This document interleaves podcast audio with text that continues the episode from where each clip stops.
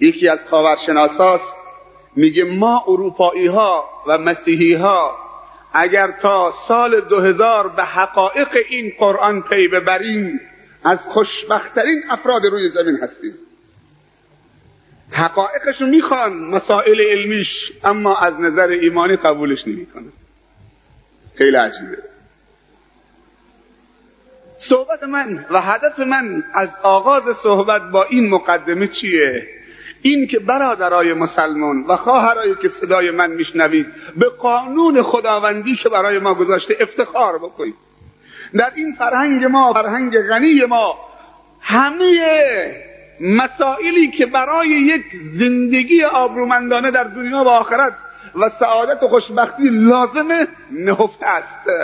ترکتکم علی المحجة البیضاء لیلها کنهارها لا یزیغ عنها الا هالک. پیامبر صلی الله علیه و ارشاد میفرمایند که ای امت من من شما را بر راه و روشی روشن دخشان رها کردم و رفتم. راهی که شبش مثل روزشه.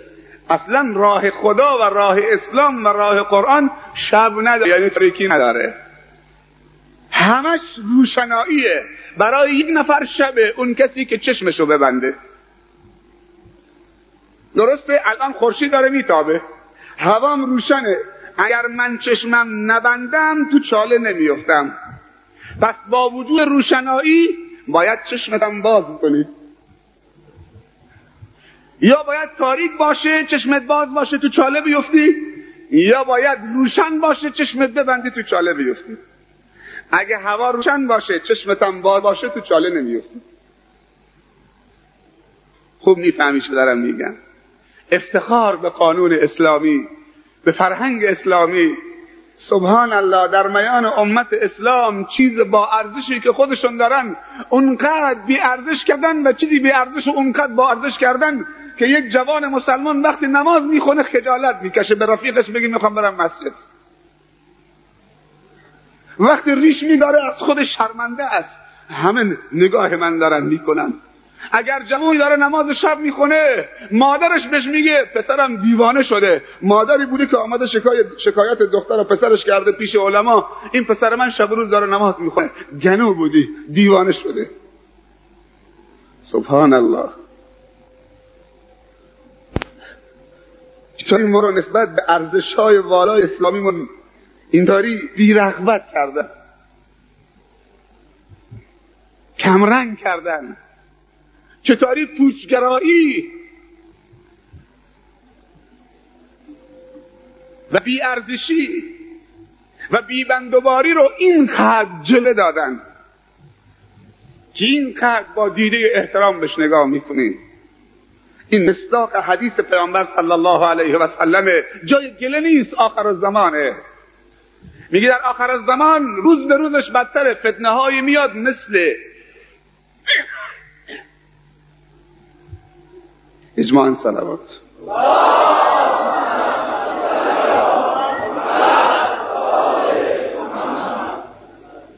مثل تاریکی شب. یصبح الرجل مؤمنا و یمسی کافرا. مرد مسلمان و زن مسلمان صبح با طلوع آفتاب مسلمانه به غروب نمی‌رسه. کافر میشه تغییر دین میده. امروزه. غروب مسلمانه به صبح نمی‌رسه. تو دل شب تو تلویزیون تو ویدیو چه مشاهده می‌کنه به صبح نمی‌رسه کافر میشه ولی عزو بالله. نماز عشا خونده با جماعت مسلمان بوده. رفته خونه رفته تو مراسم عروسی رفته یه جایی. یه چیزی نشونش دادن دیدن فکرش عوض شد. دم صبح نکشید کافر شد. یبیع دینه و عرضه به عرض من الدنیا. دین و ناموس و آبروش میفروشه به چیز بی ارزش و پشیزی از دنیا. این علامات قیامت. گفته در آخر زمان روزی می‌رسه که یک زن محجبه با حجاب ازش مسخره می‌کنن همونطوری که از یک زن فاحشه و رسبی و زناکار مسخره می‌کنن. اما امروزه بدتر شده. از زن زناکار و رقاصه و مغنیه و آوازخان مسخره نمی‌کنن. حتی بارها شده که یک دختر سر عروسی بی شرم و حیا رقصیده همه زنهای مسلمان براش کف زدن. به به عجب رقصی کردی. این رقص چه اسم داره؟ رقص کجاییه؟ از کجا یاد گرفتی؟ همینجور. یک پیرزنی در یکی از مناطق سر عروسی مخنس میارن برای رقصیدن. از بس که این مخنس رقصهای جوراجور میرقصه و اونهایی که از دین و ایمان بهری نداشتن شیفته خودش می‌کنه بعد یک پیرزن تو جمع بلند میشه با همین پررویی میگه که سلوات رسول فرستی. عجب رقصی ماشاءالله. سلوات رسول بفرستید برای رقص یک مخنس دست پشت کمرش می‌زنه. آفرین. عجب رقصی. حالا برو حافظ قرآن بشو. اگه کسی بهت گفت آفرین. از ماست که بر ماست. ما از دست دشمن گله نمی کنیم. آمریکا فلان کار کرد اسرائیل فلان کار کرد فلان فلان کار کرد. نه. این همه بلایی که از سر دوست. بر سر دوست از دست دوست می‌رسه. باور بکنید که برادر خواهرش رو معتاد کرده. باور بکنید که مرد زنش رو قلیونی کرده و زن دخترش رو قلیونی کرده. مرد تو خونه قلیون می‌کشه. حوصله نداره قلیون چاق بکنه آب قلیون پر بکنه و فلان و دود بیاره. به زنش میگه زن مهمون آمده. خودم می‌خوام قلیون بکشم. برو قلیون آبش کوک بکن. تنباکوشم چه آب بده بذار به دودش هم بیار بعد بیا تو بکشم. وقتی زن مسلمان دو سه بار روزی سه بار قلیون چاق بکنه به دودش هم بیاره خودش قلیونی میشه. زن مسلمان هم حوصله نداره به دخترش دستور میده. تو سبکتری برو قلیون چاق بکن. اینطوری قلیونی می‌کنه. نفس بر نی زنم قلیون دهد دود که تنباکو ندارد مایه و سود. کسان گفتن که تنباکو طبیب طبیب کس نباشد آتش و دود. کاری ندارن. اینطوری خودمون رو بدبخت می‌کنیم. به دست خودمون. دانسته و ندانسته خواسته و ناخواسته. به یک زن مسلمان سر عروسی میگن وقت نماز برو وضو بگیر. با پروی برمیگرده. میگه آرایش صورتم خراب میشه. من رفتم آرایشگاه پنج هزار تومن دادم موی سرم و مش زدم حال دادم. آرایشش خراب میشه. خدا غفور و رحیم بعد می‌خونم شب می‌خونم. برادر بزرگوارمان که خطبه ایراد فرمودن درباره شخصیت عمر صحبت کردن. عمر فاروق رضی الله عنه. کسی که وقتی اسمش برده میشه دل دوست و دشمن میلرزه. دوست از احترامی که نسبت به این شخصیت قائله میلرزه و خدماتش یادش میاد و دشمن از حیبت و عزت و شدت اون میلرزه. 1400 ساله که شهید شده زیر خاک خوابیده و دفن شده. هنوز خیلی ها از اسمش میترسن. بزرگترین خدمت به ما ایرانی ها کرد. در زمان خلافت حضرت عمر رضی الله عنه توسط سعد ابن ابی وقاص این سوقاتی خداوند دین خدا و آین خدا و دستور خدا و نظام خداوندی وارد ایران زمین شد. حضرت عمر کی به خلافت رسید؟ حضرت ابوبکر دو سال و شش ماه یا چهار ماه همین کم و بیش خلافت کرد. با سن شست و سه سالگی از دنیا رفت. بعد از ابوبکر یعنی بعد از دو سال و چهار پنج ماه شش ماه حضرت عمر جانشین شد بر اساس شورا. در دو جنگ قادسیه و نهاوند دولت فرس و به زانو گذاشت. توسط افرادی پابرهنه و شکر بودند آمده بودن از دجله و فرات همینجور شناکنان رد شدن. وقتی سعد ابن عبی وقاص با لشکر اسلام به دجله و فرات رسید دجله و فرات می خروشید دعا کرد نه قایقی نه کشتی. اون طرف دجله و فرات مدائن بود. پایتخت یزگرد سوم آخرین پادشاه فرس و ایران زمین. رستم هم فرماندهی کل ارتش بود. هرمزان و دیگر شخصیت های بزرگم بودن. حضرت سعد بن عبی وقاص خطاب به دجله و فرات اینها لشکران رسول خدا هستند سربازان رسول خدا هستند برای نصرت دین خدا می‌خوان از تو عبور بکنن. آرام باش تا ما از تو عبور بکنیم. مثل اینکه دجله گوش داره تعقل داره. صحابه با سعد از دجله عبور کردن بدون اینکه یک نفر غرق بشه انگار که رو خشکی دارن میرن. یزگرد از مدائن فرار کرد آخر کشته شد.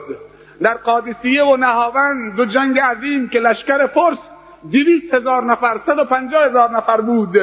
فیلهای عظیم الجسه مثل تانک ها در جلو لشکر حرکت داده بودند و لشکر فرس پشت این فیلها خودشون قایم کرده بودند. این فیل همینطور می آمد رو صحابه و از پشتم تیراندازی می‌کردن تا اینکه توسط یکی از خود سربازان دولت فرس که مسلمان شده بود گفت این فیلها شما رو له می‌کنه. یک نفر فقط تیرانداز ماهری پیدا بکنید بزنه تو چشم یکی از این فیلها فیل رم می‌کنه برمیگرده سربازای خودشون له می‌کنه. همین کارم کردن. سبحان الله. توسط خودشون خودشون نابود کرد خداوند. همیشه دعا می‌کنیم اللهم اشغل الظالمین به ظالمین وجعلنا من بین ایدیهم ظالمین ظالمین رو به ظالمین مشغول بکن. و ما را از همه طرف در امان قرار بده. میگن در انگلیس و از کشورهای اروپایی زمانی موش زیاد شد. خیلی موش زیاد شد. یکی از دوستان تعریف می‌کرد. موش زیاد شد که به اصلا خیلی وحشتناک بسته شدن. هر کاری کردن نتونستن جلوی رشد موش بگیرن. تا اینکه دانشمندان نشستن. گفتن هیچ راهی نیست مگر اینکه تعدادی از همین موشها بگیریم. از خود موش. موشهای بزرگشون بگیریم زنده زنده. تو انبار زندانی بکنیم. دو سه روز بهشون غذا ندیم تا گرسنه بشن. وقتی گرسنه شدن تعدادی از همین موشها رو شکار بکنیم بندازیم جلو خود موشهای گرسنه تا بخورنشون. و همین کار کردن. تعدادی از موش رو گرسنه کردن بعد تعدادی از همین موشها شکار کردن انداختن جلو موشها شروع کردن از گرسنگی به خوردن موش. خود موش داره موش می‌خوره. بعد که دیدن این طریقه و این روش ها نتیجه داد. حالا اون موشای زندانی گرسنه رو رها کردن تو چه؟ تو جامعه. هر کی موش بود در به یک ماه پاک کردن. اللهم اشغل الظالمین بالظالمین. اگر ظالمین با ظالمین مشغول نباشن امت اسلام نمی‌تونه نفس راحت بکشه. دعا مستجاب میشه. همیشه مستجاب میشه. به شرطی که لیاقت دعا کردن داشته باشی. بله سروران من. حضرت سعد بن وقاص به فرماندهی سعد بن عبی وقاص اسلام در صدر اسلام در زمان خلافت حضرت عمر کل ایران زمین رو در بر گرفت. از این منطقه آمد از خوزستان از این طرف. میگن وقتی وارد دسول شدن زن و مرد لخت کردن جلو سربازا. فهمیدن که مسلمان ها شرمه ها دارن از لختی بدشون میاد. همه عقب رفتن. خبر به عمر رسید که این کار کردن. گفت یا برید همه را از لب, لب شمشیر بگذرن یا خودم آمدم. اینا شیطانن. و نهایتا ایران تسلیم شد. و از برکت زحمت اون بزرگوار امروز ما سمونیم خدا جزای خیرش بده. امروز ما نماز داریم. امروز ما انقلاب اسلامی داریم. همون تحولاتی که در صدر اسلام توسط اون بزرگوار امروز ما ثمرش می‌بینیم. شخصیت عظیمی بوده. صحبت کردن در مقابل در باره چنین شخصیتی نیاز به وقت زیادی داره. من فقط به دعای پیغمبر و مختصر سبب اسلام عمر رضی الله عنه اشاره می کنم و بعد به جواب سوالای دیشب تا بالاخره وقت کم نیاریم. چون این سالها هم خیلی با ارزش و خیلی مفیده به دردتون می‌خوره. روزی حضرت عمر خسته شده بود رضی الله عنه. شمشیر کشی بود کوچه های مکه چشمش مثل خون شده بود. رگهای گردنش ورم کرده بود. شمشیر رو کشیده بود. دنبال محمد صلی الله علیه وسلم در به در میگشت که سرش رو اصلا جدا بکنه. در مسیر راه که می‌رفت یک دفعه یک نفر باش ملاقات کرد. گفت عمر با این عصبانیت شمشیر رو از غلاف بیرون کشیدی کجا میری؟ گفت می‌خوام برم سر محمد رو بزنم تا جامعه ما از شرش راحت باشه. از شرش راحت باشه از خیرش. میشه از خیر راحت شد. هر کسی خودش از خیر راحت بکنه جز شر چیز دیگه نیست. و هر کسی خودش از شر راحت بکنه همش خیره. نهایتا اون شخص بهش گفت آروم باش می‌خوام یه چیز بگم. اول برو این ننگو از خانواده خودت پاک بکن بعد برو سر محمد بزن. گفت چی میگی؟ گفت همین که گفتم. خواهرت فاطمه بنت الخطاب و شوهرش هر دوتا مسلمان شدن و بر دین همین کسن که تو می‌خوای سرش بزنی. خواهرت فاطمه بنت الخطاب و شوهرش الان هم تو خونه هستن یکی از یاران محمد صلی الله علیه وسلم به اونها دست قرآن میده. حالا اگه دروغ میگم برو نگاه بکن. عمر جا خورد. بهش برخورد خواهرم مسلمان باشه. عمر زنده باشه. این ننگ من تحمل نمی کنم خدا مسیرش رو عوض کرد. سبحان الله خدا چه کار می‌کنه؟ این قلب انسان میان دو تا انگشتان خداوندی قلوب العباد بین اصبعی من اصابع الله. یقلبها کیف شاء دعا بکنید عزیزان من. شب برای جوانات دعا کنید و خدا دلشون بچرخونه و حب ایمان و نور ایمان در دلشون خدا پرت بکنه. صبح بلند بشن عوض بشن راه خدا را در پیش بگیرن. علما پدرها مادرها ملاها امام جمعه ها بزرگترا همه دعا بکنید برای خشر جوان. تنها با سخنرانی کار پیش نمیره. علمای بزرگ اسلام روز با خلق خدا صحبت می‌کردن شب با خالق این خلق و خالق دلهای عباد صحبت می‌کردن. روز سخنرانی شب برای چرخش دل اونها. با رد و مالک اون دلها که بر اون دلها حکومت می‌کنه و تسلط داره صحبت می‌کردن اینطوری موفق می‌شدن. قبل از اینکه عمر شمشیر در بیاره مردان قدرتمند قریش چند نفر بودن؟ یکی حمزه بود یکی عمر بود یکی امر ابن هشام بود. امر ابن هشام می‌دونه که ابو جهل. اینها بزرگان قریش بودند حضرت عمر قبل از اسلامش در جاهلیت سفیر قریش به خارج بود. شخصیت بزرگی بود. قبل از اسلام و بعد از اسلام. رسول الله صلی الله علیه وسلم نشسته بود دعا کرد. عمر خبر نداره. عمر توطئه چینه برای نابودی این شخصیتی در تاریخی شب برای اون داره دعا می‌کنه. رسول الله صلی الله علیه وسلم دستش بلند کرد. گفت اللهم اعز الاسلام به احد العمرین عمر ابن الخطاب و عمر ابن هشام. خدایا اسلام و عزت ببخش. قوت ببخش با اسلام آوردن یکی از این دوتا. هر کدوم مسلمان بشن برای اسلام خیلی عظیمه و خیلی پیروزیه. چون قدرتمندن در اون جامعه. بعضی از مورخین میگن در دعا که می‌کرد اول اسم عمر ابن الخطاب به زبانش آمد. تا به زبانش آمد اصلی. قبول شد. دومی لیاقت نداشت بی بهره هر دو دشمن یکی دوست شد. یکی پستر شد و دشمن تر شد.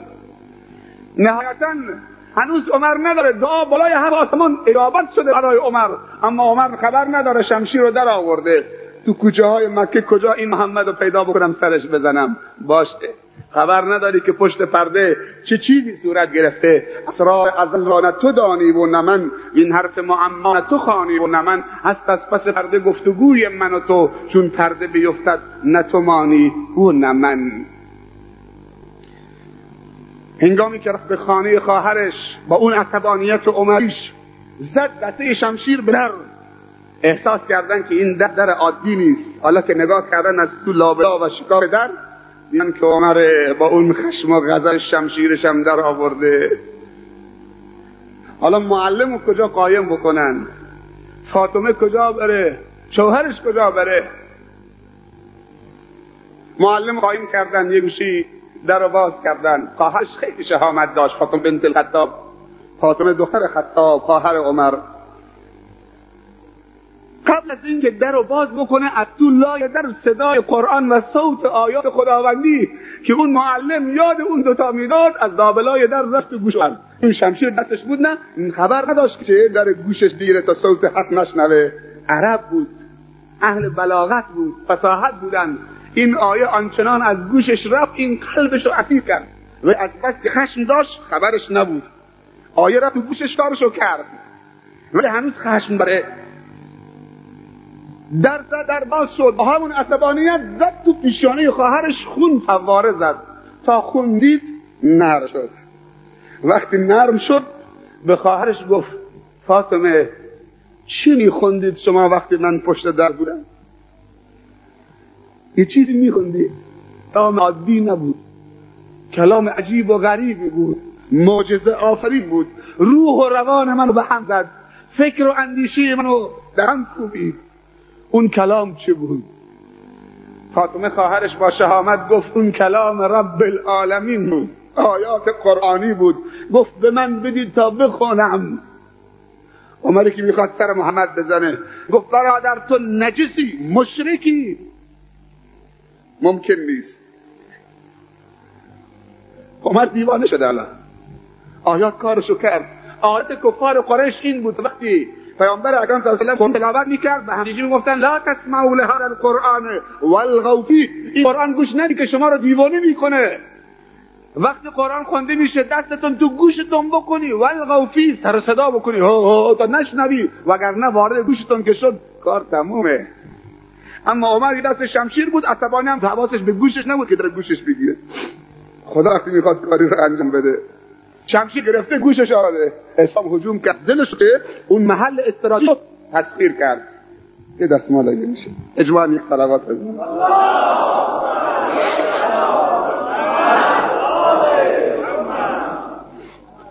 گفت اگر این آیات رو می‌خوای برو خونه غسل بزن. اگه واقعا دنبالشی.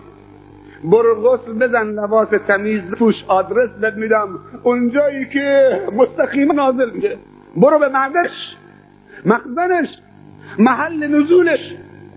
از دهان اولین شخص برو بشنو.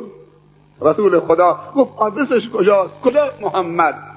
صلی الله علیه گفت در خانه ارقم ابن ارقم ابن ابل ارقم اونجا یه خانه هست. مخفیانه دور هم جمع شدن با یارانش. دارن قرآن تلاوت می‌کنن و قرآن رو تشریح می‌کنن. عمر دیوانوار اصل زد شمشیر رو تو خلاف کرد شمشیری که در آورده بود گامه های با عجله و عدولانه و شتاب بستری تا در خانه ارقم در زد تق تق. یکی از صحابه از تو سوراخ در نگاه کرد گفت رسول خدا عمر. عمر خیلی حیلت داشت. عمر حضرت حمزه بود یا علی بود؟ یکی از این دوتا بود.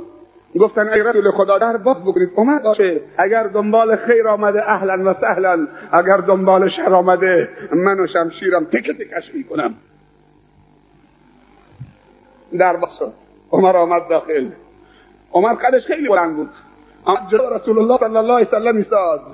رسول الله قدرت شاید چهل مرد فلان بهش داده شده بود. اینطوری زد حقه عمر گرفت خوابوندش روی زمین زانو زد. گفت عمر برای چی آمدی اینجا؟ دنبال چی کاری آمدی؟ اینجا چیزی برای تو نیست. دنبال چی کاری آمدی؟ دید که عمر دست پاش داره میلرزه اون عمر دیگه نیست. حضرت عمر جواب داد. آمدم که بگم اشهد ان لا اله الا الله و اشهد ان محمد رسول الله. آمدم که اسلامم رو اعلام کنم. اینجا بود که اون جمعی که تو خانه بود آنچنان تکبیری گفت. که صدای تکبیرشون کنار کعبه شنیدن مشرکین و فهمیدن که یک رخداد عظیمی رخ داده امروز خانه اقم. عمر ایستاد. گفت خدا ما به حق نیستیم. علسنا علی حق گفت بله. گفت اگر بر حقیم پس چرا خودمون رو قایم کردیم؟ گفت پس چه کار بکنیم؟ گفت دو صف یه صف من یه صف حمزه. از همینجا الله اکبر. میریم کعبه رو تواف می‌کنیم جلو چشم دشمنان و قریش. اینجا بوده. که با این شهامتش لقب فاروق رو گرفت. لقب الفاروق رو گرفت و شد فاروق این امت. و شد امیر المؤمنین. و شد خلیفت المسلمین. و کسی که آیات قرآنی طبق رأیش نازل می‌شد انسان ملهم بوده. دعای رسول الله صلی الله علیه و سلم. و وقتی می‌خواد هجرت بکنه همه هجرت مخفیانه می‌کردن. این رفت پیش کعبه ایستاد. گفت ای معشر قریش هر کسی می‌خواد که زنش بیوه بشه بچهش یتیم بشه و خانوادهش ازادار بشه من فردا ساعت مثلا نه می‌خوام حرکت بکنم به سوی مدینه. بیاد دنبال من. کسی می‌خواد زنش بیوه بشه دختر و پسرش یتیم بشه خانوادهش ازادار بشه بیاد بالا من. اگه راست میگه. اینطوری حجرت کرد. خدا عرش راضی باشه. در مقابل این همه خدمت هایی به اسلام مسلمی کرده. زندگی نامه عمر ممکن نیست کسی متحول نباشه مگر منافق. این جریان تولدش در اسلام جریان شهادتش هم بگم بعد جواب سالها شخصی به اسم فیروز ابو لولو مجوسی بود در مدینه تظاهر به اسلام کرده بود. یه روزی جایی کار می‌کرد کارگری می‌کرد شکایت اون بالاخره کسی که پیشش کار می‌کرد کرد و گفت به من کم میده و این چیزا. بالاخره آمد پیش عمر یک قضاوتی کرد بعد به دل گرفت. به تظاهر اسلام بود به ظاهر اسلام بود اما در باطنش همینجور به خون امیر مؤمنین نشه بود رضی الله عنه. تا دید که چه در صف نماز استاد آمد چه خنجر رو از پشت وارد کرد. خنجری که دو طرف داشت. خنجر دولبه زهرالو کرده بود از دو طرف می‌تونست بزنه. نه خنجر که یک طرف داشته باشه یه لب. وقتی حضرت عمر رو از پشت شهید کرد محراب فرار کرد آمد تو سر. هفت هشت دیگه همجور می‌خواستم بگیرنش زد. و آخر یه نفر پتوش انداخت و نهایتا خودش هم کشت. و حضرت عمر الله عنه سوال کرد کسی که به من خنجر زده چه کسی بوده؟ گفتن فیروز ابو لولو زرتشتی مجوسی اهل فارس. گفت الحمدلله که یک مسلمان به من خنجر نزد. الحمدلله که این خنجر از دست یک برادر مسلمان نبود. نهایتا چه؟ فهمید که این خنجر شهادته پسرش عبدالله گفت بیا بابا پیش من. از طرف من قاصد برو پیش ام المؤمنین عائشه دختر ابی بکر همسر رسول خدا صلی الله علیه و سلم. سلام من به مادرم برسان ام المؤمنین مادر تمامی مؤمنین. برو سلام به بیبی عایشه برسان بگو امیر المؤمنین عمر خنجر خورده و احساس می‌کنه این خنجر شهادت و خدا با دنیاست. شاید بیش از یک روز دو روز دوام نکنه. سلام بر تو میرسانه ای مادر و اجازه می‌خواد اگر تو لطفی در حق من بکنید من کنار رسول خدا حبیبم صلی الله علیه و کنار دوست و بزرگوارم پدر تو ابوبکر صدیق تو حجره تو دفن بشم اینجا. اینجا سهم توست مک توست مال توست یکی شوهرته یکی پدرته. برای خودت انتخاب کردی حجره خودته که اگر تو کردی همونجا کنار بابات و شوهرت بخوابی. اما من نامحرمم. من در تو سلام می‌رسه بابای من میگه اگر تو اجازه بدی من احتمال داره یه روز دو روز دیگه بیشتر نمونم. بیام همونجا کنار رسول خدا و بابای تو دفن بشم اجازه هست؟ حضرت عایشه ام المؤمنین رضی الله عنها گریه کرد. گفت گفت برو بر بابا سلام رسول المؤمنین بگو من از حقم تنازل کردم. برای تو. تو اینجا بیا دفن بشو. من تو بقی قبرستان بقی دفن خواهم شد. این حقش داد به عمر و عمر در کنار دوست و یاره. عزیز و محبوبش. هر وقت رسول خدا رسول از در وارد می‌شد از در خارج می‌شد می‌گفت خرج تو انا و ابوبکر و عمر. اسم این دو نفر از یادش و از زانش نمیافتاد. آخر این عمر در زندگیش در اسلامش در زندگی در خلافتش و در شهادتش و در دفنش هم عجیب بوده. ممکن نیست مسلمان ضعیفی زندگی عمر بخونه دلش آب نشه. علما و مفکرین میگن هر کسی دلش سنگ بره زندگی عمر بخونه که دلش آب میشه. واقعا هم اینطوریه. نهایتا ام المؤمنین عایشه در قبرستان بقی دفن شد. و هر کسی که به مدینه منوره شرافیاب میشه اونجا یک حجره هست. یک سوراخی هست سوراخ بزرگه. اونجا مقابل قبر پیامبر صلی الله علیه و میسته با ادب سلام می‌کنه. بعد قدم اون طرفتر. یک وجب از کتف رسول الله پایین در قبر ابوبکر صدیق اونجا هم سلام می‌کنه. بعد یه قدم اون طرفتر قبر عمر فاروق اونجا هم عرض ادب و سلام می‌کنه. بعد از در خارج میشه طرف قبرستان بقی برادران این منطقه واقعا خدا امروز به ما داده از دیشب باران رحمت همینجور بر دل ما میباره. من تا صبح نخوابیدم همین نشستم گفتم خدایا در این آخر زمان این همه شور و شک برای دیندار شدن چه سریه؟ اصلا تو کی هستی که این طوری بر دل بندگان تو حکومت می‌کنی؟ وای بود. قرص ما مثل شب چهارده همجور پر شده بود. داشت میدرخشید. از هر طرف نگاه کردی همه باد آشنا بودن. حتی دیوار کوچه برکه آب درخت همه آشنا بودن دیشب. احساس می‌کردی که همه دوست داشتنی. یه عزیزی به من یادداشت داری که تو دیشب می‌خواستی درباره درخت خرما صحبت بکنی. ولی فراموش کردم. وقتی رسول الله صلی الله علیه و به مدینه هجرت کردن یک تنه درخت نخلی بود روش می ایستادن خطبه ایراد می‌کردن تا صحابه رو ببینن. بعد تعداد صحابه زیاد شد و جمعیت زیاد شد اونهایی که آخر نشسته بودن نمی‌دیدن. بعضی از صحابه پیشنهاد دادن یک منبر ای برای خودت درست بکن که درج داشته باشه. برو رو پله دوم و سوم بیست تا صحابه تو ببینن و حرفت بیشتر به گوش برسه بلندتر باشه. این پیشنهاد خوشش آمد. دستور داد یک پله از چوب یک منبری از چوب دارای چند تا پله باشه برای خطبه آماده کردن برای هفته بعد. هنگامی که پای مبارکش روی یک پله اول و دوم منبر گذاشت و رو به مردم سلام علیکم و رحمت الله گفت صدای آه و گریه و ناله در مسجد شد.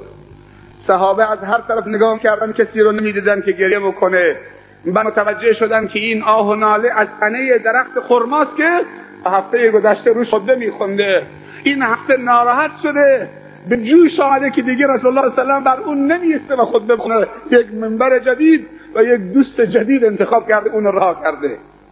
از منبر آمد پایین. اون تنه رو با آغوش گرفت. دست نوازش کشید به سرش. آرامش کرد. دوباره رفت بالا برای ایران و دنباله خطبه. همه چیز احساس داره. یسبح لله ما فی السماوات و ما فی الارض. سبح لله ما فی السماوات و الارض. و ما فی الارض همه دارن تسبیح خدا میگن همه دارن تعظیم خدا میگن با لسان قال حال. این کوه نشانه حیبت خداست. باران نشانه رحمت خداست. اگه قدش ندونستی نشانه ختم خداست. آسمان به این عظمت. همش مسخر برای این انسان. همش جلوه قدرت خداونده. همش الطاف خداوندیه. بله سروران من زندگی شیرین میشه زمانی که ایمان در زندگی ما باشه.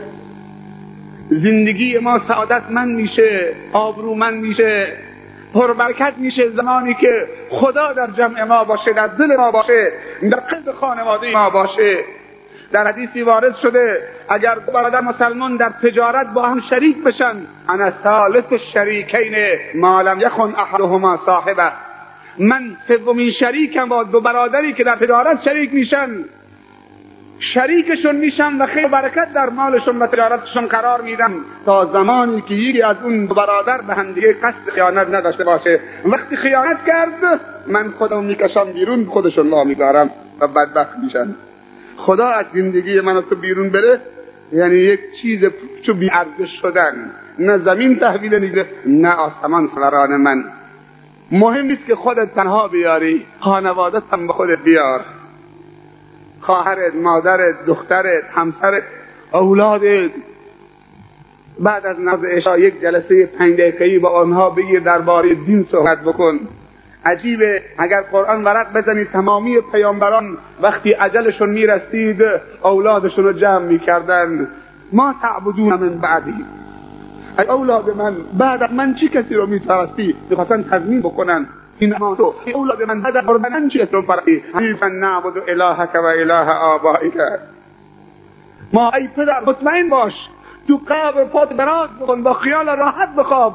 ما دست از این راه نمی‌کشیم نعبدو خدای تو خدای آبا و اجداد تو میپرستیم. مطمئن با خیال راحت بمیر. اینطوری بزرگان میمردن. اینطوری وضو می‌گرفتن. قبل از مردنشون بچه هاشون رو جمع می‌کردن. وسیعت کردن. متعکد می‌شدن که اونها راه خدا دارن میرن. امروز چه شده؟ در روسه ها و دهات شک میشه.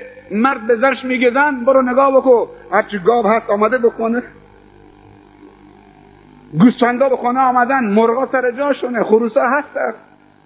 ولی نمیگه زن محمد آمد خونه ساعت دوازده محمد کجاست فاطمه کجاست؟ تو خونه هست یا نیست؟ ارزش یک گاو نداره. ولی گاو دویست هزار پن قیمت بشه. اما اگر یک دختر یا پسر حافظ قرآن داشته باشی روز قیامت یک تاج سر مادرش یک تاج سر پدرش می‌خرن اینها ارزش نیست. یک پسر حافظ قرآن یا دختر حافظ قرآن در کل خانواده شفاعت می‌کنه روز قیامت. یک پسر شهید در راه خدا در هفتاد نفر از خانواده شفاعت می‌کنه. یک پسری که در راه خدا فدا بکنی قربانی بکنی. کی حاضره؟ مرد مسلمان برای تبلیغ دین می‌خواد از خانه خارج بشه؟ آنا زنش میاد در خانه. تو رو به خدا قسم کی برمیگردی؟ زود بیا ما تنهاییم تو خانه شهر شلوغه. این چه دلسوزیه. این چه ضعف ایمانه. صحابه وقتی از خانه حرکت می‌کردن زنش بهش می‌گفت شوهر عزیز کی ملاقات؟ می‌گفت هر بهش ملاقات. خدا حافظ. کسی که در راه خدا میره دیگه برگشت. رو به خدا رفتن به این معنی نیست رو به خدا بری و پشت به خدا بکنی. رو به خدا تمام وجود رو خدا. زنهامون رو درست تربیت بکنیم. مادرمون رو درست تربیت بکنیم که اولاش قربان دین خدا بکنه. بچه هامون رو طور تربیت بکنیم که وقتی تو کوچه و خیابان و تو محله میچرخه مردم بگن بوی شهادت از این میاد. این پسر این کار اگر تا آخر ادامه بده بوی شهادت ازش میاد. یک قصه هم خیلی تکان است. یک روزی جنگی در گرفت. یک جوونی از صحابه غایب بود در اون جنگ. بعد از اینکه در جنگ مسلمان پیروز شدن اون جوان پیدا شد. رسول خدا غنیمت تقسیم می‌کرد صلی الله علیه وسلم سهمیه غنیمت مال جنگی که به غنیمت گرفته بودن. گفت اینم سهم این جوانی که در جنگ نبود. که می‌فهمید عاشق جنگه. اگر بود حتما میآمد خودی نداشت. گفت پسرم اینم سهم تو. جوان با تعجب نگاه کرد. گفت برای چی؟ گفت این سهم تو مال غنیمته. گفت ولی من نبودم. گفت عاشق بودی اگر بودی میآمدی. این مال تو. بگیرش. ناراحت و گریان شد. بعد این جمله رو گفت. گفت ای رسول خدا من با تو بر این سهم بیعت نکردم. خیلی تعجبه. گفت من وقتی روزی که دستم گذاشتم تو دست تو گفتم اشهد ان لا اله الا الله و اشهد ان محمد رسول الله به خاطر این سهم نبود این مال نبود این غنیمت نبود. خیلی عجیبه. گفت پس بر چه بیعت کردی با من؟ بر چه سهمی می‌خواستی از من بگیری؟ گفت بیعت کردم با تو بر سهمی سهم در لغت عرب به معنی تیرکمان. گفت بر سهمی که از کمان دشمن در بیاد بخوره تو این رگ گردن این طرف در بره منو در این راه شهید بکنه. رسول الله به لرزه به بدنش افتاد که سبحان الله چه جوانهایی با چه آرزوهایی. آرزوهاشو در آخرت می‌بینه و در رضای خدا می‌بینه. نه در این مزخرفات لذتهای کاذب و زود گذر دنیا و پوچ و بیعرضش که امروز جوانهای ما به یک موتورسیکلت رسیدن آرزوشه. دختر مسلمان به مشت علمگوی طلا و فلان و گربندن رسیدن آرزوشه. و زن مسلمان به یک فرش دستباف رسیدن آرزوشه. دکور آشپزخانه نمی‌دونم از جنس فلان بکنیم کابینت آشپزخانه اینطوری باشه. ظرفای تو خونه همش کریستال باشه.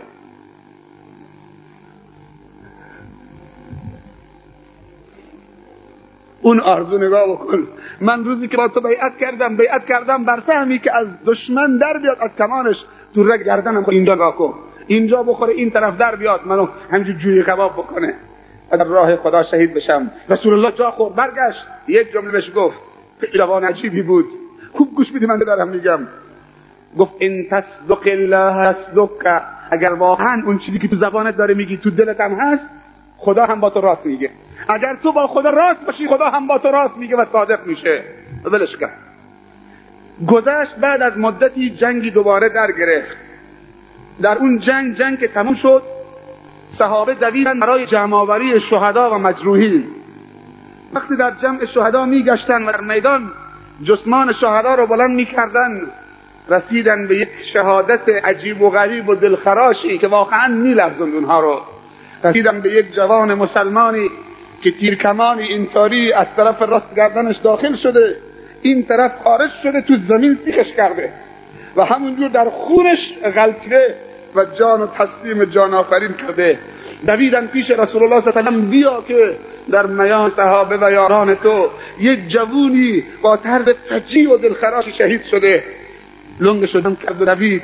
حالا که آمد بالای سر اون جوان که همون جوانی که چندی قبل ازش چنین درخواستی کرده بود و چنین حرفی زده بود بعد بالای سرش استاد این جمله رو گفت هو هو.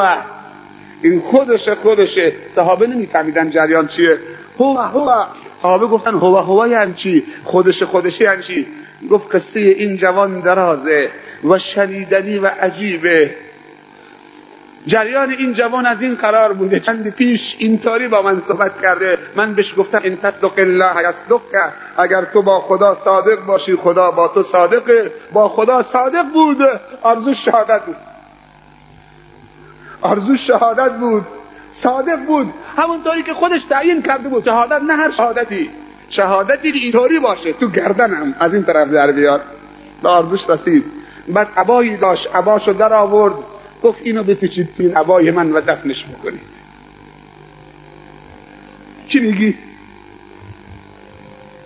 خداوند تکلیف به اندازه طاقته. حتی شهادت هم در ما طاقت هست. آدم تعجب می‌کنه.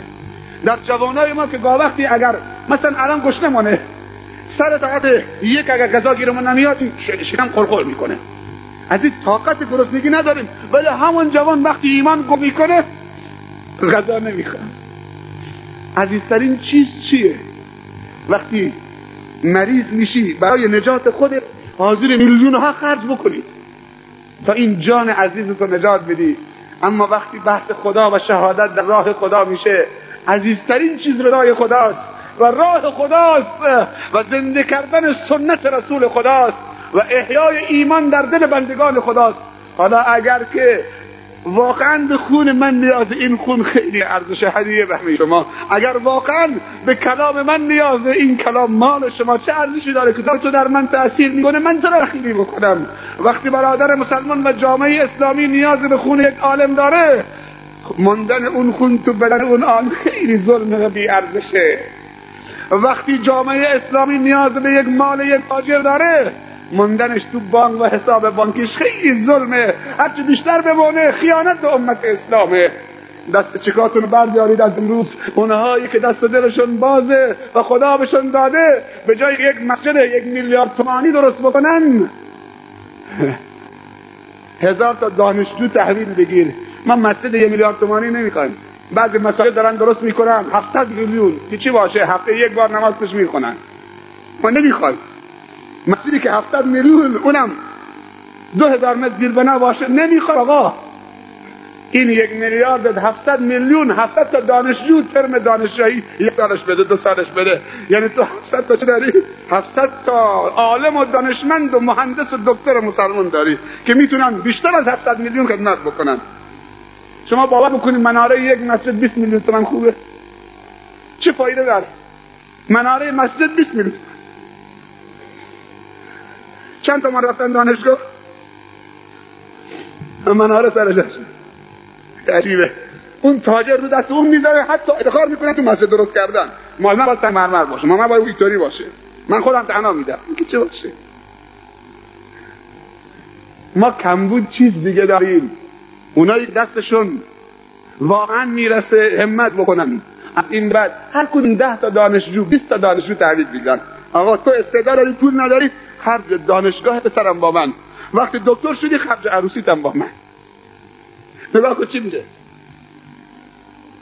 خیلی تشویق نیست نه؟ 700 هزار برای ساز و نقاره میدن. برای یه دست لباس میدن اما این فکر نیست. ولی از دیشب تا امشب باید فکر در ما ایجاد بشه. خواست خدا بود که من اینجا بمونم. می‌خواستم برم جای دیگه. تصمیم داشتم برم اماده ده. حقیقتا یعنی تو دلم بود. ولی دیگه نتونستم در مقابل این شور شوق دیشب تسلیم شدم حقیقتا. واقعا تسلیم شدم. بذار اون ده سال که بارها من از اینجا رد شدم و وعده دارم امشب و امروز جبران بکنم. کسی نمی‌دونه فردا چه میشه. امروز مال ماست فردا مال ما نیست. امروز باید افتخار بکنیم. امروز باید از دستمون نره فردا مال دیگرانه. از بیش گذشتی هیچ از یاد نکن. فردا که نیامده هیچ فریاد مکن امروز تو چه کار هستی؟ بله سروران من. بیشتر از این وقت نمی‌گیرم. از مقدمه رد میشم. سوالای مهم دیشب جواب داده نشده یا تو لابلای صحبت نیامده جواب میدم.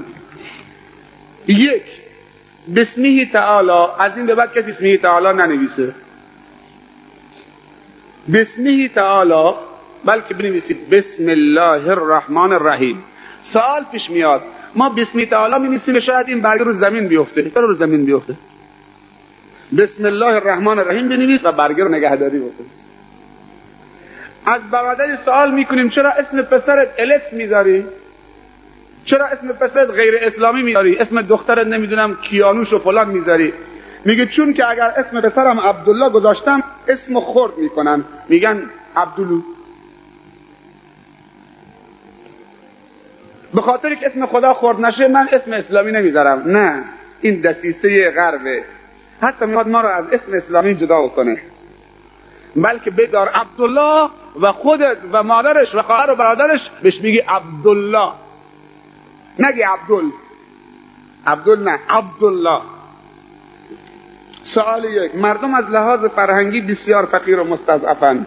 خدا اون روز نیاره که نظر جیب ماشین خانه امکانات. غنی؟ از نظر فرهنگ فکر تعقل اندیشه منطق ضعیف باشند فقر فرهنگی یعنی مرد هرچند که تاجر باشی. هرچند که غنی باشی. اونهایی که اینجاشون غنیه اونها بور کردن. و رب زدنی علما. تنها دعایی که و تنها کن از کار و اوراد. صحابه تعجب کردن. امروز کار عجیب و غریب انجام داده ای رسول خدا. چرا این کار کردی؟ گفت که سلام که دادم که یک طلا یاد آمد که یک تکه طلا کوچک تو خانه من هست. بلا فاصله ترسیدم که دنیا وارد خانم شده. اگر نرم با عجل بیرونش بکنم آخرت رو از دل من و خانه من بیرون می‌کنم. وقتی رفتم خانه نگاش می‌کنم زرد قشنگ این طرف این طرف تو دلم چشمم خیره می‌کنه. نخواستم و باقیات الصالحات خیرون. ولل آخرت خیر لک من الاولا چی میگی؟ زنش عایشه رضی الله عنها گفت که من میرم بیرون برمیگردم این گوسفند رو تکه تکه بکن ببخش برای همسایه ها فقرا. وقتی برگشت گفت زن گوشتا چه کار کردی؟ گفت همش رفت فقط یک دست مونده برای خودمون. گفت زن چه داری میگی؟ همش رفت یک دستش مونده اشتباه داره می‌کنی. اینطوری بگو. همش مونده یک دستش رفته. اون چیزی که در راه خدا برای فقرا دادی همش مونده اون چیزی که برای خودمون نگه داشت تو شکمون بره اون رفته از دست. و چه تو چاه فاضلا فاضلا میره. اون چیزی که دادی همش مونده اون چیزی که نگه داشتی همش رفته. این فرهنگ عزیزان من. مردم از لحاظ فرهنگی بسیار فقیر و مستضعفن. یک سوال. یک سوال. سلوات هم بدید باشش تو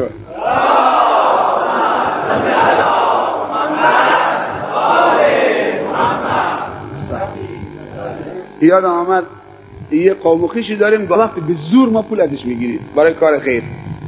روش هم به هم می‌کشه عصبانی هم میشه شما بلکن ما نیستی.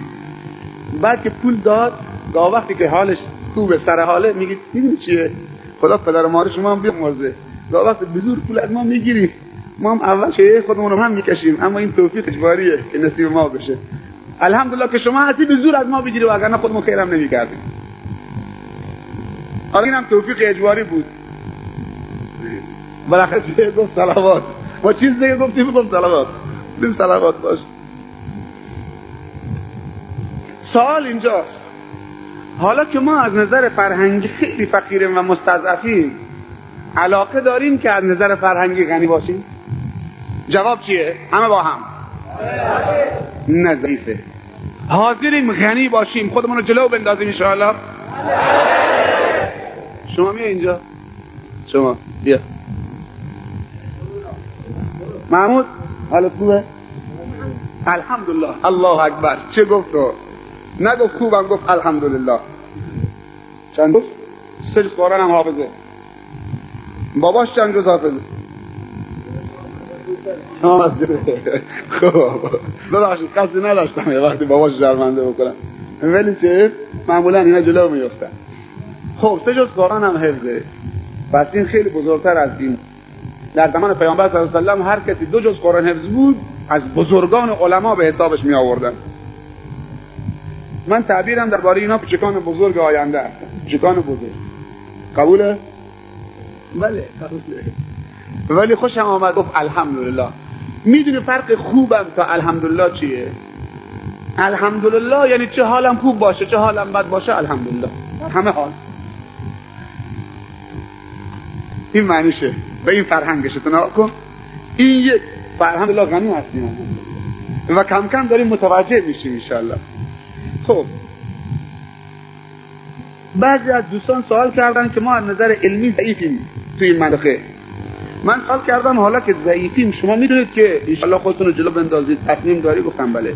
حالا می‌خوام یه سوال بکنم. تو اگر می‌خوای بوی لباست خوش باشه چه کار می‌کنی؟ عطر می‌زنه. آفرین. می‌تونه عطر بزنی به لباست؟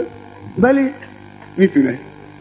اگر عطر زد بوی لباسش خوش میشه. میگه می‌تونم عطرم بزنم. خیلی خوب. اگر می‌خوای خوب بشی می‌تونی خوب بشی. چه کار می‌کنی؟ چه کار می‌کنی؟ خوب میشم کارهای خوب انجام میدم. پس میشه کارهای خوب انجام داد خوب شد. اگر می‌خوای عالم بشی می‌تونی. چطوری؟ درس می‌خونم. فرید درس می‌خونم. می‌تونی درس بخونی؟ بله. حالا دیدی خواستن توانستنه اگر ما بخوایم بوی بدنمون خوش میشه. من می‌تونم سرمو شانه بکنم بیام مسجد می‌تونم. من طوری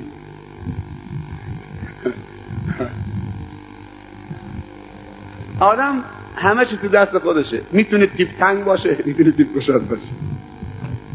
می‌تونه رپ باشه مدل رپ. و می‌تونه مدل اسلامی بزنه.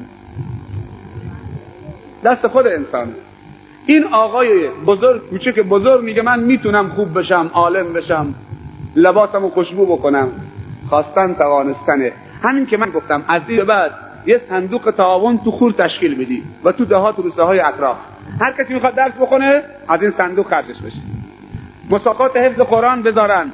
هر کسی حافظ یک جز شد مثلا یه اینقدر جایزه براش.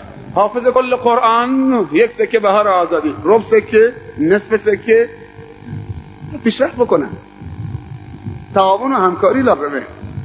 فردای قیامت حسرتی به من ضربه زد که هنوز فراموش نمی‌کنم. یعنی درسی به من داد.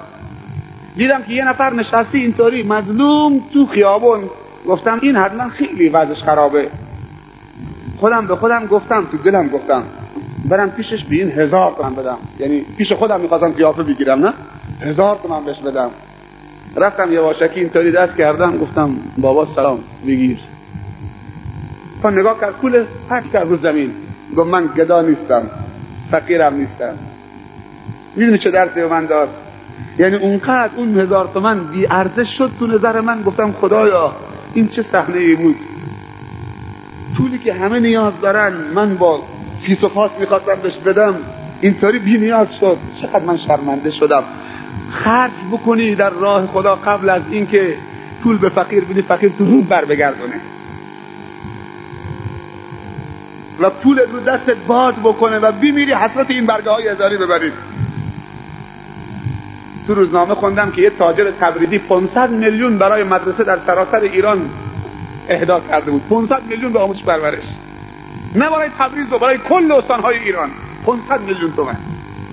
گفتم خدایا چه دارم میشنوم. 500 میلیون تومن. ولی برای ورزشکاران میدن خوبا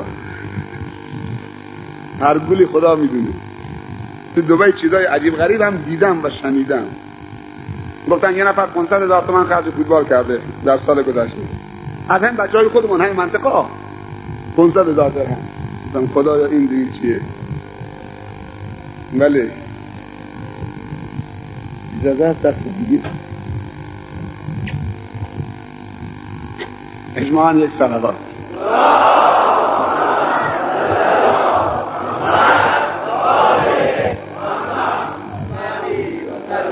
این محمود برنده شد. خودکارم مال شد سال دوم والدین به تقاضای فرزندان بیچون و چرا تسلیم هستند و خواسته ها را برآوردنی نمای... برآورد می نمایند برآورد می نمایند موتورسیکلت ویدیو نوار کاست دیسکت و و طلا پول همه چی. خیلی عجیبه. اگر این هست خیلی خطرناک. که بچه در سن و سال کودکی نوجوانی همه خواسته های مادیش برآورده بشه. پدرها این کار نکنن که بچه های خودشون با دست خودشون بدبخت کردن. یه نقطه دیگه بگم. وقتی کسی پدرش میمیره تو محله ما یتیم میشه نه؟ مردم به خاطر ترحم بکنن. این بچه یتیم گناه داره. هزار تومن. اون میگه هزار تومن. دست خود یتیم میدن همین هزار تومن هزار تومن اون بچه یتیم معتاد می‌کنه. بابا بچه کوچکه. این کار نکن. اصلا این ترحم نیست. این خیانته. این ظلمه. این نابودی اون بچه یتیمه. بچه‌ای که سه سالشه. به خاطر ترحم این یتیمه کسی نداره. هزار تومن هزار تومن دو هزار تومن سه هزار تومن. اگر راست میگی لباس و غذا و هاربار و امکانات در اختیارش بذار. به اندازه نیاز زندگیش بررسی بکن. به خودت بگو و خدا ای خدا از اول زندگیشون تا اینکه ازدواج نکردن همه خرجشون با خود من. تکفل یتیم. این ارزش داره. نه اینکه هزار تومن دو هزار تومن دست بچه یتیم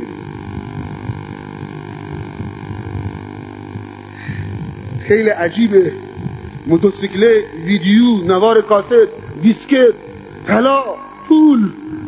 سبحان الله بعد پدر میگه و مادر من هیچ کوتاهی در حق اولادم نکردم. هر چی خواسته بهش دادم. این کوتاهی نیست. این بزرگترین خیانت در حق پسرت دخترته. فردای قیامت همین دختر و پسر یقت می‌گیره.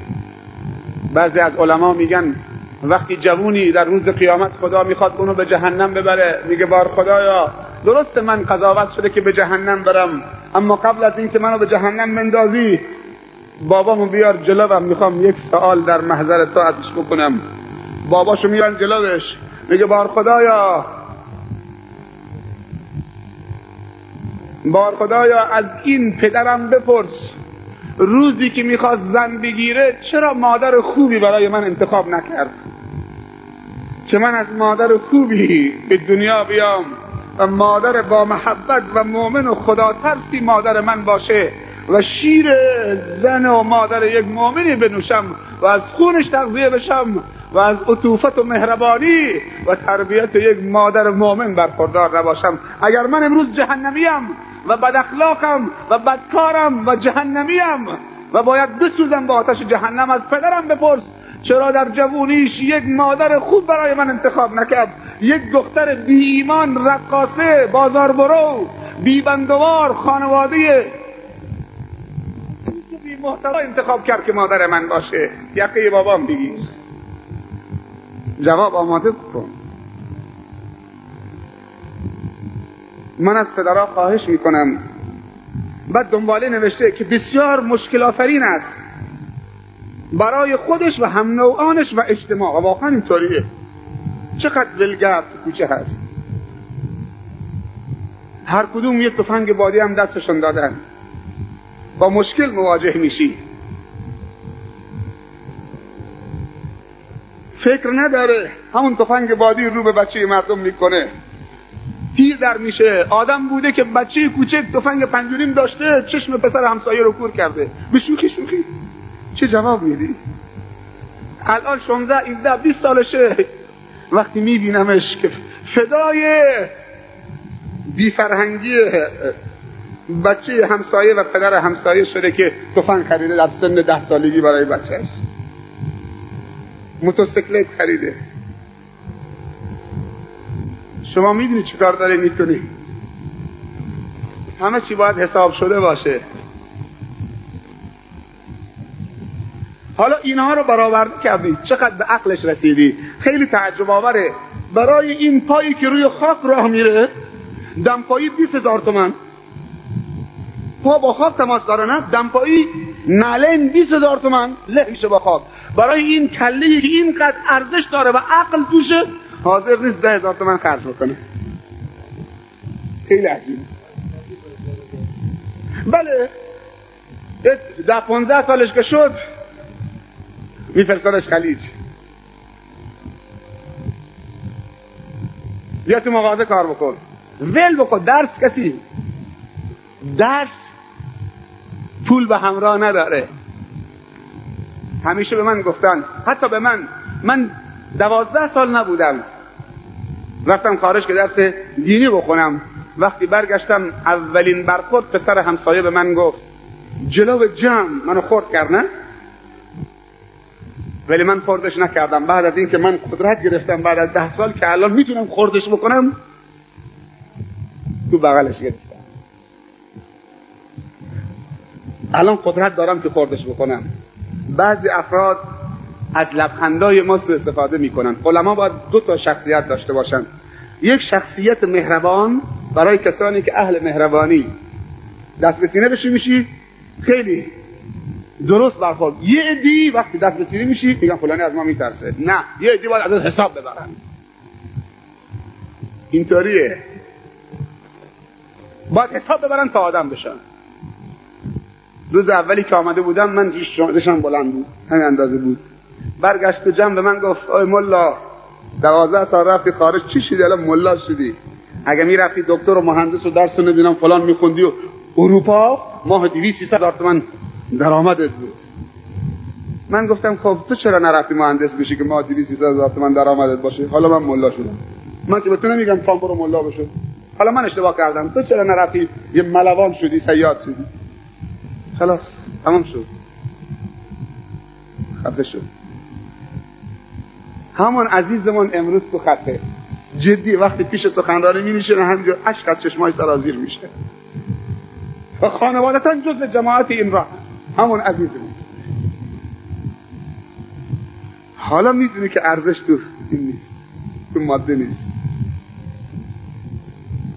خواهشم از والدین و پدرها و مادرها اینه که از نظر فکری و تربوی آدم های خوب انسان های عالم رفت آمد بکنید در خونه به روی انسان های پاک معلم خوب طلبه ها علما انسان های پاک اهل فکر رفت آمد با اونها بکنید نشست برخواست با اونها بکنید تا خیر و برکت به زندگی شما بیاد. یک قصه بگم واقعیت داره. دوستی تعریف می‌کرد که یه روزی می‌خواستم یک